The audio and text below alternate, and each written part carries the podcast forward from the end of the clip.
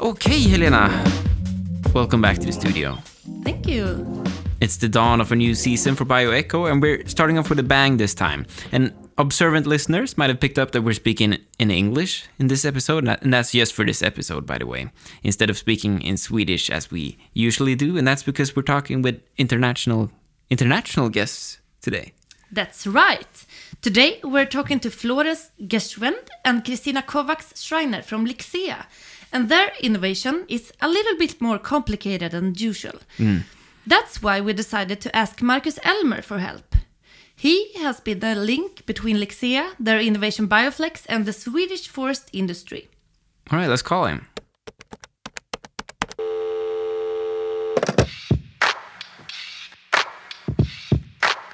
Okay, Marcus, so help us out here.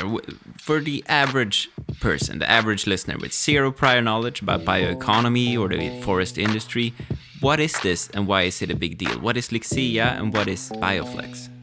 Yeah, so so Bioflex, what it does is that it um, it takes whatever we collect from uh, from nature, like uh, residues from agriculture sector, like uh, wood that we uh, that we uh, get from a house that's been torn down.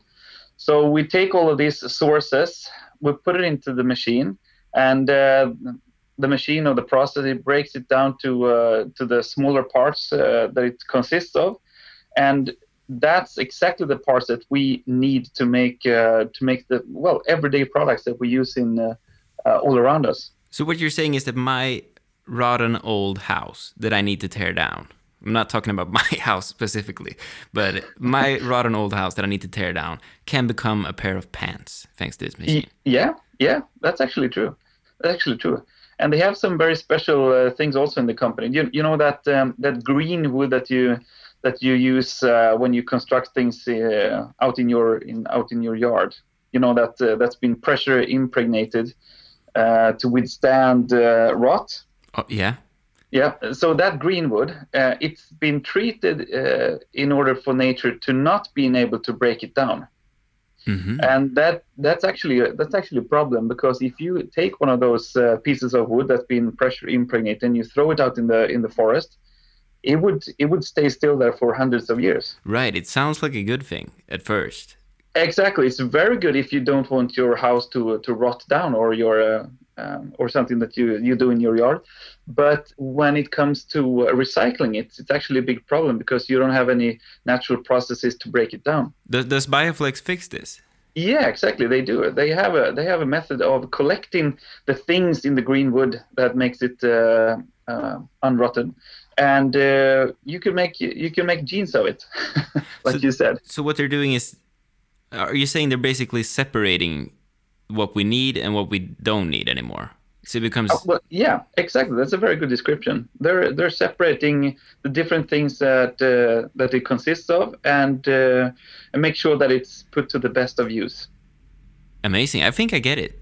I think I yeah. get it. So, uh, so for instance, I mean, uh, one thing that uh, that most people maybe don't uh, reflect on is that uh, if you want to produce a bike that's very very light, you can do it from carbon fibers. Right. I mean, that's that's really that's a good material. It's it's very very strong. It's very very light. Mm. And if you if you just um, if you listen to the to the word carbon fiber, it consists of carbon Right. and carbon carbon is the main main building block of of everything that that grows in nature. So uh, if you take something that's been growing in nature which is a sustainable and renewable source of material you put it into this process you can you can more or less extract the carbon part of it and then you could you could make carbon fibers out of it. This sounds very, very promising. It sounds like a Yes, bright future. I, i'm very i'm very excited about this. And this doesn't exist exactly like this right now. This is a new No. thing. No, it's a it's a completely new process of doing it. It uh, um, it doesn't smell, for instance. So uh, many other processes uh, that we know of in in uh, the mills around the country it makes use of sulfur, which uh, has um, the the the the backside of it is that it smells. Yeah. But this process doesn't smell. It actually it actually smells good. It smells of it smells of vanilla because Mhm. that sounds way better. yeah, if you break down a wood, you actually get something that uh, that smells like vanilla. And this bad smell that you're talking about, that, that's the smell that you can uh, pick up when you're driving past uh, a current uh, paper plant, for instance. Yes, absolutely. Right. And uh, I mean, we we need those mills because that's what uh, provides us with all the, the packaging for uh, our uh, our milk and for uh, for uh, shipping goods and everything. So it's uh, it's very well needed. But I wouldn't mind developing or having a new process that smells of vanilla instead.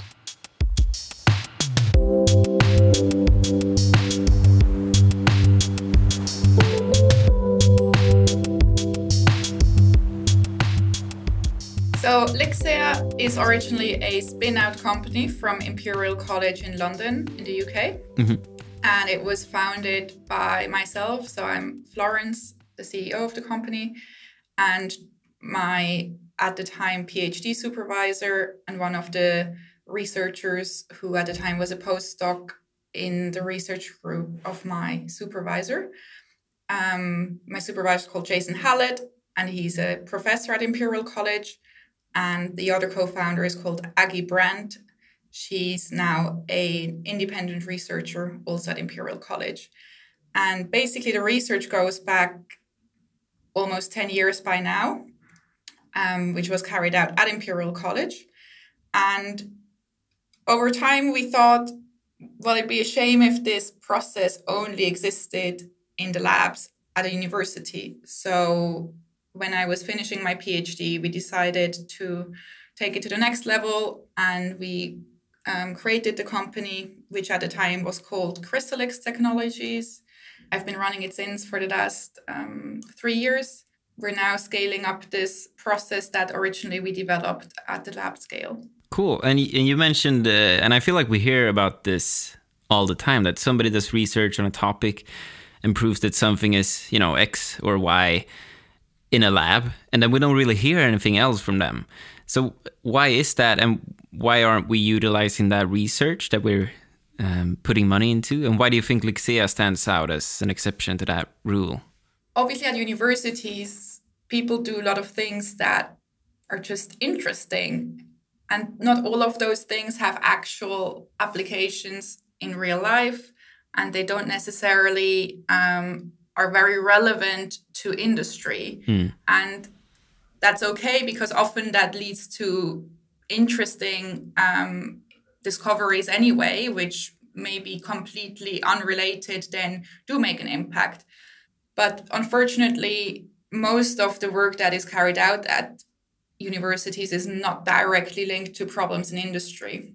Another thing is that often, if you do get to a point where you think, wow, this would really be interesting for such and such industry, the university doesn't want to pay for things that are commercial, but industry doesn't want to pay things that are highly risky because they're very immature. Right. So there is a quite a large funding gap between the re- the end of the university research and the beginning of industrial research. And it's very tricky to overcome that gap in terms of the financing but also just getting the people that have the right expertise that have both the scientific knowledge but also know the industry sector. They know um, what makes money um, how to make money etc so it's quite difficult to find um, the means to go from university research to industry Right. So how do you bridge that gap? um, that's a very good question. Um, especially the European Union offers quite a lot of funding. Um, so also other government bodies kind of like step in there, especially if it's around industry challenges that are of relevance to, um, for example, the environment or the greater good. So things that a lot of people would benefit from rather than just having like a very specific um, small niche application. So often these are also things related to health or public health or um, yeah environmental um, sustainability challenges. So there is some government um, money for it, but it's usually quite competitive. A lot of people want to get that kind of money, and there's a limited amount of it available. Right. But you also have to understand uh, what drives the, the, the, the, different parties. So, for example, for universities, they want to publish papers. Mm. So, so research is all about novel, exciting, blue sky thinking, uh, publishing papers within that space. For industry, they don't really care about publications. They, they try to understand how they could make money, how they could um, in more cases save money because you know new technology could lead to um, certain cost savings for them. So it's it's driven by um, the accountants, the the finance people, um, and and not by you know something sexy, something new and exciting. So you just have to understand where, why the mismatches between the academia and, and translating some of these research uh, activities. But um, as, as Florence mentioned, that there are certain um, vehicles uh, that could help uh, with this process. For example, the EU, I think, has been extremely good at um, giving the right platform and funding uh, for novel technologies and startups to to push the, the, the technology to the to that stage uh, where it can be picked up by industry and, and really invested. Um, uh, you know, in, in scale up and and and and yeah, funded and, and supported by venture capitals or angels or, or even companies. And you managed to get through that needle's eye, I believe is the expression. Uh, so why do you think that is? Well, I think the problem that we're addressing is a very pressing one. So a lot of countries, governments, but also private companies have started to realize how um, anxious people are about climate change and that they need to start acting to address all those sustainability issues that we're facing already now and that will only become bigger over the next um, decades. Mm. So we're really um, the sort of timing is is good. So now a lot of there's a lot of talk about is like a new green deal or now with covid about the green recovery. So governments and also companies are understanding that as we are rebuilding our systems we really need to build them for sustainability and future proof our systems. And i think that's where we come in really um, lucky because we're looking at the bioeconomy so replacing petrochemicals oil derived fuels, etc., with bio-derived sustainable products, but also the circular economy, so reusing waste materials, getting out more from less, um, sending less waste to landfill, burning less waste, um, wasting less. Mm. And our company, our technology really fits in well with this very timely um, change in thinking and yeah, therefore um, got funded. Yeah, and uh, for me and Helena, you know, being Swedish and especially being from Värmland, talking about cellulosa, cellulose, sorry, cellulosa it is in Sweden, uh, and about you know fibers and paper and manufacturing. It's not something that's completely new to us. It's it's uh, pretty much been a, a, a hot topic the last like at least four five years. I feel like. Mm for us too, at least. So we're not surprised that you ended up in in Värmland. But could you please talk about that journey and why you ended up here and how that happened and and what type of um, operation you're doing in in Värmland at the moment?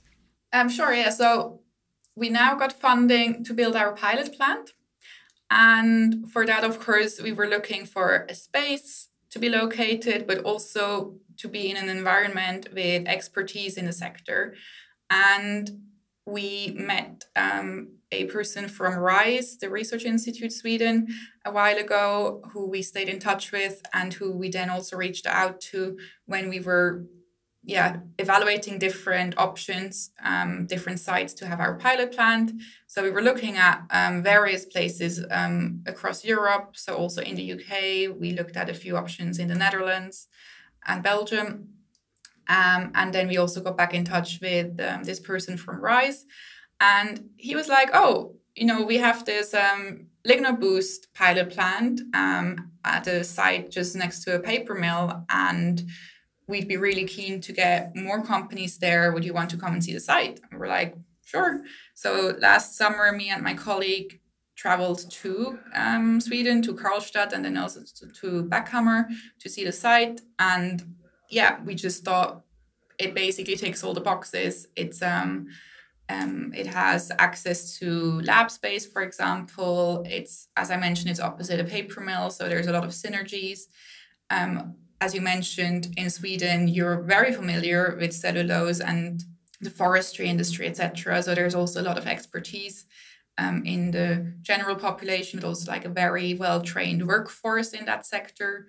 Yeah, so those are very important points for us because, of course, as a startup, we need to get all the resources we can, and that includes, um, yeah, expertise, networks, people that can um, connect us with potential customers, for example. And we we have the feeling that's really all there in um, in that region.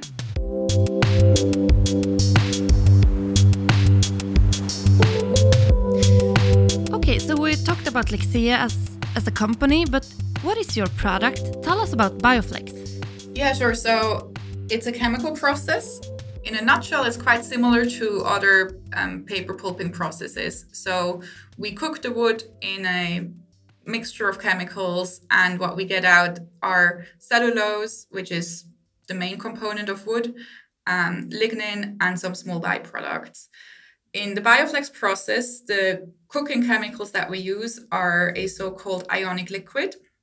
An ionic liquid is basically a salt that is liquid. So if you think about table salt that you put in your food, it's very solid. Um, it melts at around, uh, oh, this is embarrassing. I think about 800 degrees, but it might also be 600 degrees. But ionic liquids are, are liquid. So it allows us to pump them around, um, mix them with other solids so they can soak um, wood chips, for example. And the ionic liquids that we're using specifically, they can dissolve lignin and hemicelluloses, which are the two other components in wood apart from cellulose. They have other advantages, such as the fact that they don't evaporate. So, for example, it's quite safe to use those ionic liquids. You're not going to inhale any toxic fumes. They're also not flammable, so nothing's going to go up in flames or explode. So they're actually really quite handy solvents um, to to use, for example, in um, biorefining. Hmm. So our Bioflex process uses these ionic liquids, as I said, to separate the cellulose from the other two components, lignin and hemicellulose, and we can also isolate those two so lignin and um, some compounds derived from the hemicellulose as byproducts. So it really allows us to make use of all the components that are that wood is made of. Mm. And that's sort of the core of the Bioflex process.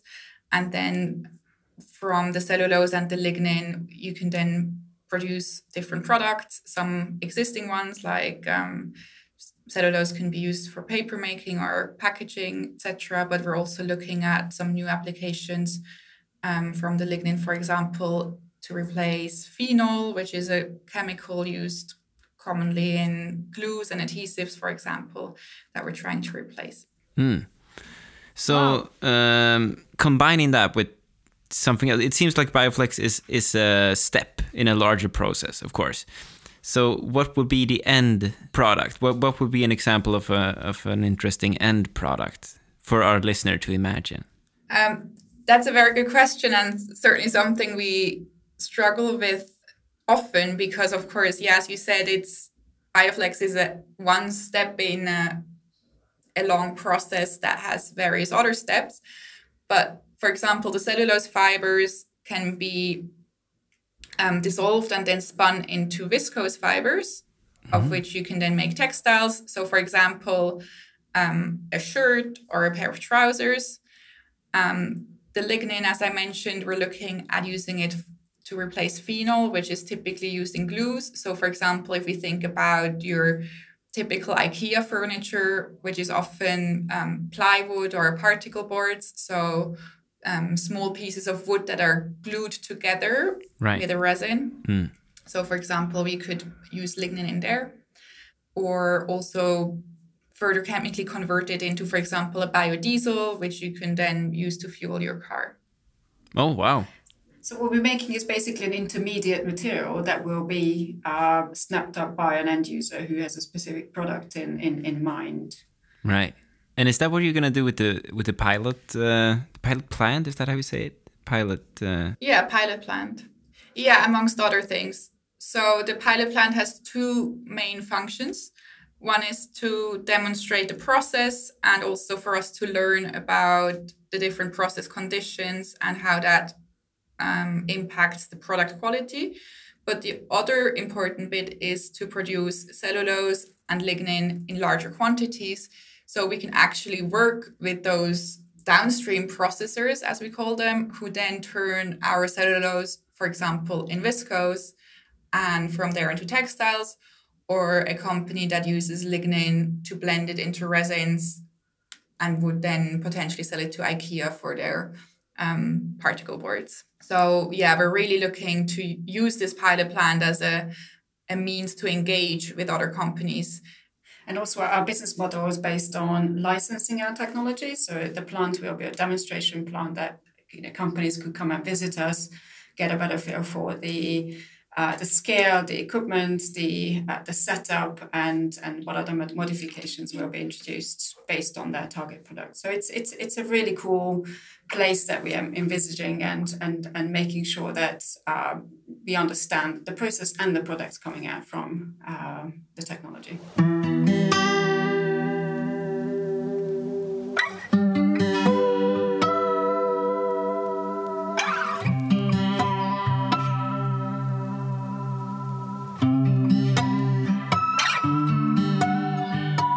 And the reason this is possible, and you mentioned this previously, but you received quite recently, I believe, a, a substantial amount of money to finance your operation 2.3 million euros, I believe, to be specific.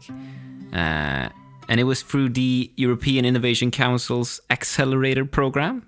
Yeah, that's correct. That's got to be uh, a. I know you you've called it a game changer before, but that's that's got to be pretty huge, right? Yeah, it's basically a lifeline. I mean, the thing with chemical processes is that it takes quite a long time to develop them and there's quite a lot of capital required for it so we're now going to be to buy machines reactors filters etc and not many investors are willing to to really you know put that much money on the table for something that is going to take that long and that still has substantial risk in it. Mm. So receiving that money from the European Innovation Council is really, yeah, a lifeline. It's yeah, I think without it there would be no Lixea right now. Yeah.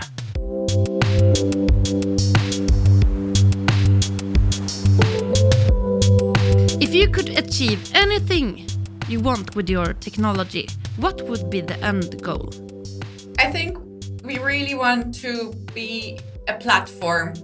So we're looking at creating a technology that can take different types of wood wastes, agricultural waste products, and produce a multitude of input materials for other industries. So I think we really want to be part of the bio based industry that hopefully is going to replace the petroleum based industry in the next decades. Yeah, we got to mention this as well. In in 2017, Florence, you were named in uh, in Forbes 30 under 30 in the category Science and Healthcare. And uh, last year, 2019, you won the Young Researcher Award at the uh, IChemE Global Awards. Now, how how did that feel for you personally, and has that recognition meant anything for yourself and for Lixea as a company? So I think for the company, it's always sort of a stamp of approval. Someone else thinks that this is a good idea, and the person behind it isn't a complete lunatic, and um, you know this deserves some attention. So in that sense, it's definitely meant a lot to us. It's given us credibility. It's given me credibility. So you can imagine that as a young woman with mainly an academic background, these kind of um, recognitions are quite important because you know a lot of the industry is dominated by all white men and if you just show up as like you know a naive youngster people don't necessarily take you very seriously so in that sense these kind of recognitions and awards are yeah they really make a difference.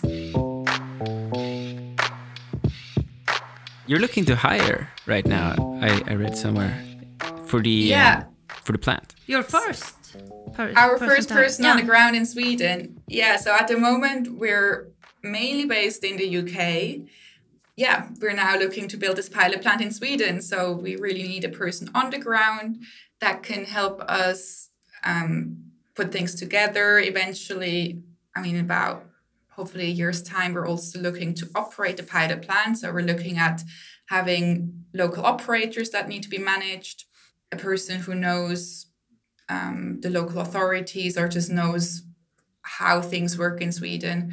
So now we're um, very actively looking for our pers- our first person on the ground in uh, Karlstad and Bäckhammar. Mm. Will that person be uh, completely alone in the beginning? Yes. yeah.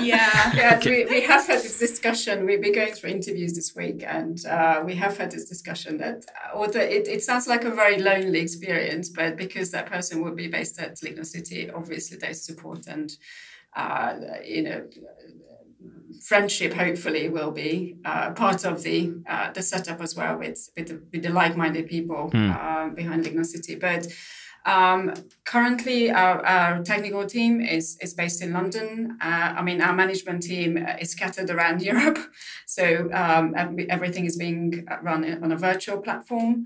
Uh, we hope to be in Sweden uh, regularly from now on. Uh, but that person, our dream unicorn bioprocessing person, uh, will need to be self sufficient, a self starter who is you know, an easygoing and who could deal with un- loads of unknowns. Mm. Um, so yes, it's a it's a it, it's it's a lonely experience, but at the same time, with a lot more support and and obviously loads of meetings online and phone calls and WhatsApp groups. So we try our best to support that, um, setting up the operations. But we also we'll be looking to grow the team eventually. But yeah, the first person will be flying the flag right it, on his or it seems extreme own. at first but it, it is pretty common these days in the dig digital era that you're spread out exactly. and you work from wherever and especially now working from home everybody's got a taste yeah. of that mm. and we're trying to keep our overheads um, as small as possible so uh, you know make use of online uh, platforms and just yeah keep it keep it to the minimum mm. right um, at least at this stage yeah is there anything that you would like us to ask that we haven't asked you yet I mean, obviously, for, for us, it's everything is about the pilot scale facility and finding the right uh, people, um, you know, to, to make it operational. But we're also looking for um, a network uh, who could support us, uh, you know, when we have uh, the pilot plant on the ground, sort of help us to, to make those first uh, commercial connections, yeah, I think for us it's always a bit difficult to predict what exactly we're going to need in, say, six months or a year's time. Um, so I guess what I'd like to say to anyone who's interested in general in what we're doing, find us on LinkedIn and follow us there, or find us on Twitter. And yeah, just stay in the loop and um, we're always happy to chat about the tech and the products and yeah, and, and things that keep changing. So probably if you call us again in six months, we will have another pitch for you. You know, more exciting news, more um, challenges on the horizon. But uh, yeah, it's it's very fast paced, very you know things are quickly moving. So well, let's do that then. And uh, oh yeah, okay, it's a date. There you yeah, go. Yeah, maybe you'll even be in in Värmland. You can come by the studio and record here. That would be lovely. Yeah, that'd be nice. All right. Yes. Excellent. Yeah. Well, thank you so much. Thank you so much, guys. Thank you. Bye-bye. Bye.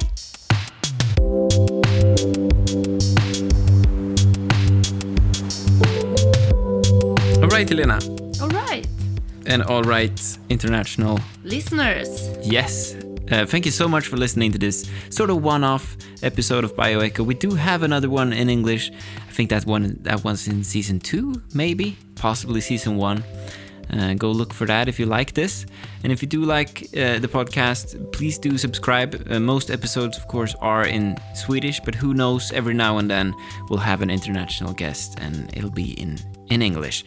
Uh, and also, we, we I, would be surprised if we didn't revisit Florence and Christina to see uh, how they're doing. Mm-hmm. All right, Helena, uh, two days before the weekend? Yes.